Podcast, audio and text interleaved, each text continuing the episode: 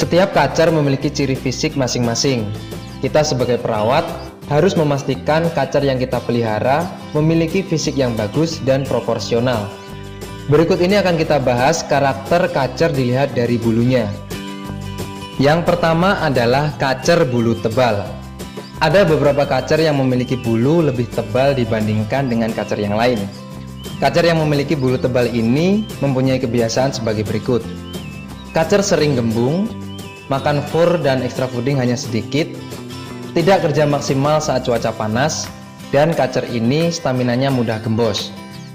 Jika kita mempunyai kacer demikian guys, perawatan yang bisa kita lakukan adalah jangkrik berikan 3 pagi dan 3 sore, jemur kira-kira 30 menit, mandi setiap hari dilanjutkan dengan jemur tipis, kroto berikan seminggu tiga kali.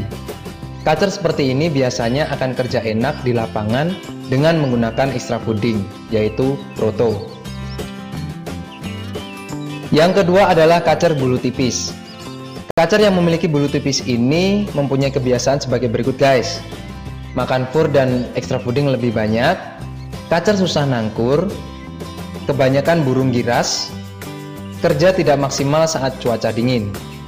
Jika kita mempunyai kacer demikian, maka rawatan yang bisa kita lakukan adalah jangkrik berikan 5 pagi dan 5 sore, penjemuran seminggu tiga kali selama kurang lebih 2 jam, mandi berikan seminggu cukup dua kali, harian banyak full krodong, terutama pada hamin 3 lomba.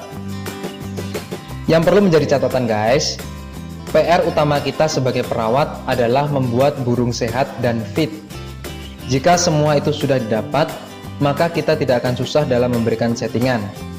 Ingat ya guys, dalam merawat kacer tidak ada ilmu harga mati.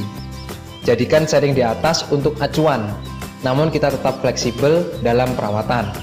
Karena kebiasaan dan kondisi kacer akan berubah-ubah. Kita sebagai perawatlah yang lebih mengetahui hal tersebut. Oke, semoga bermanfaat ya guys.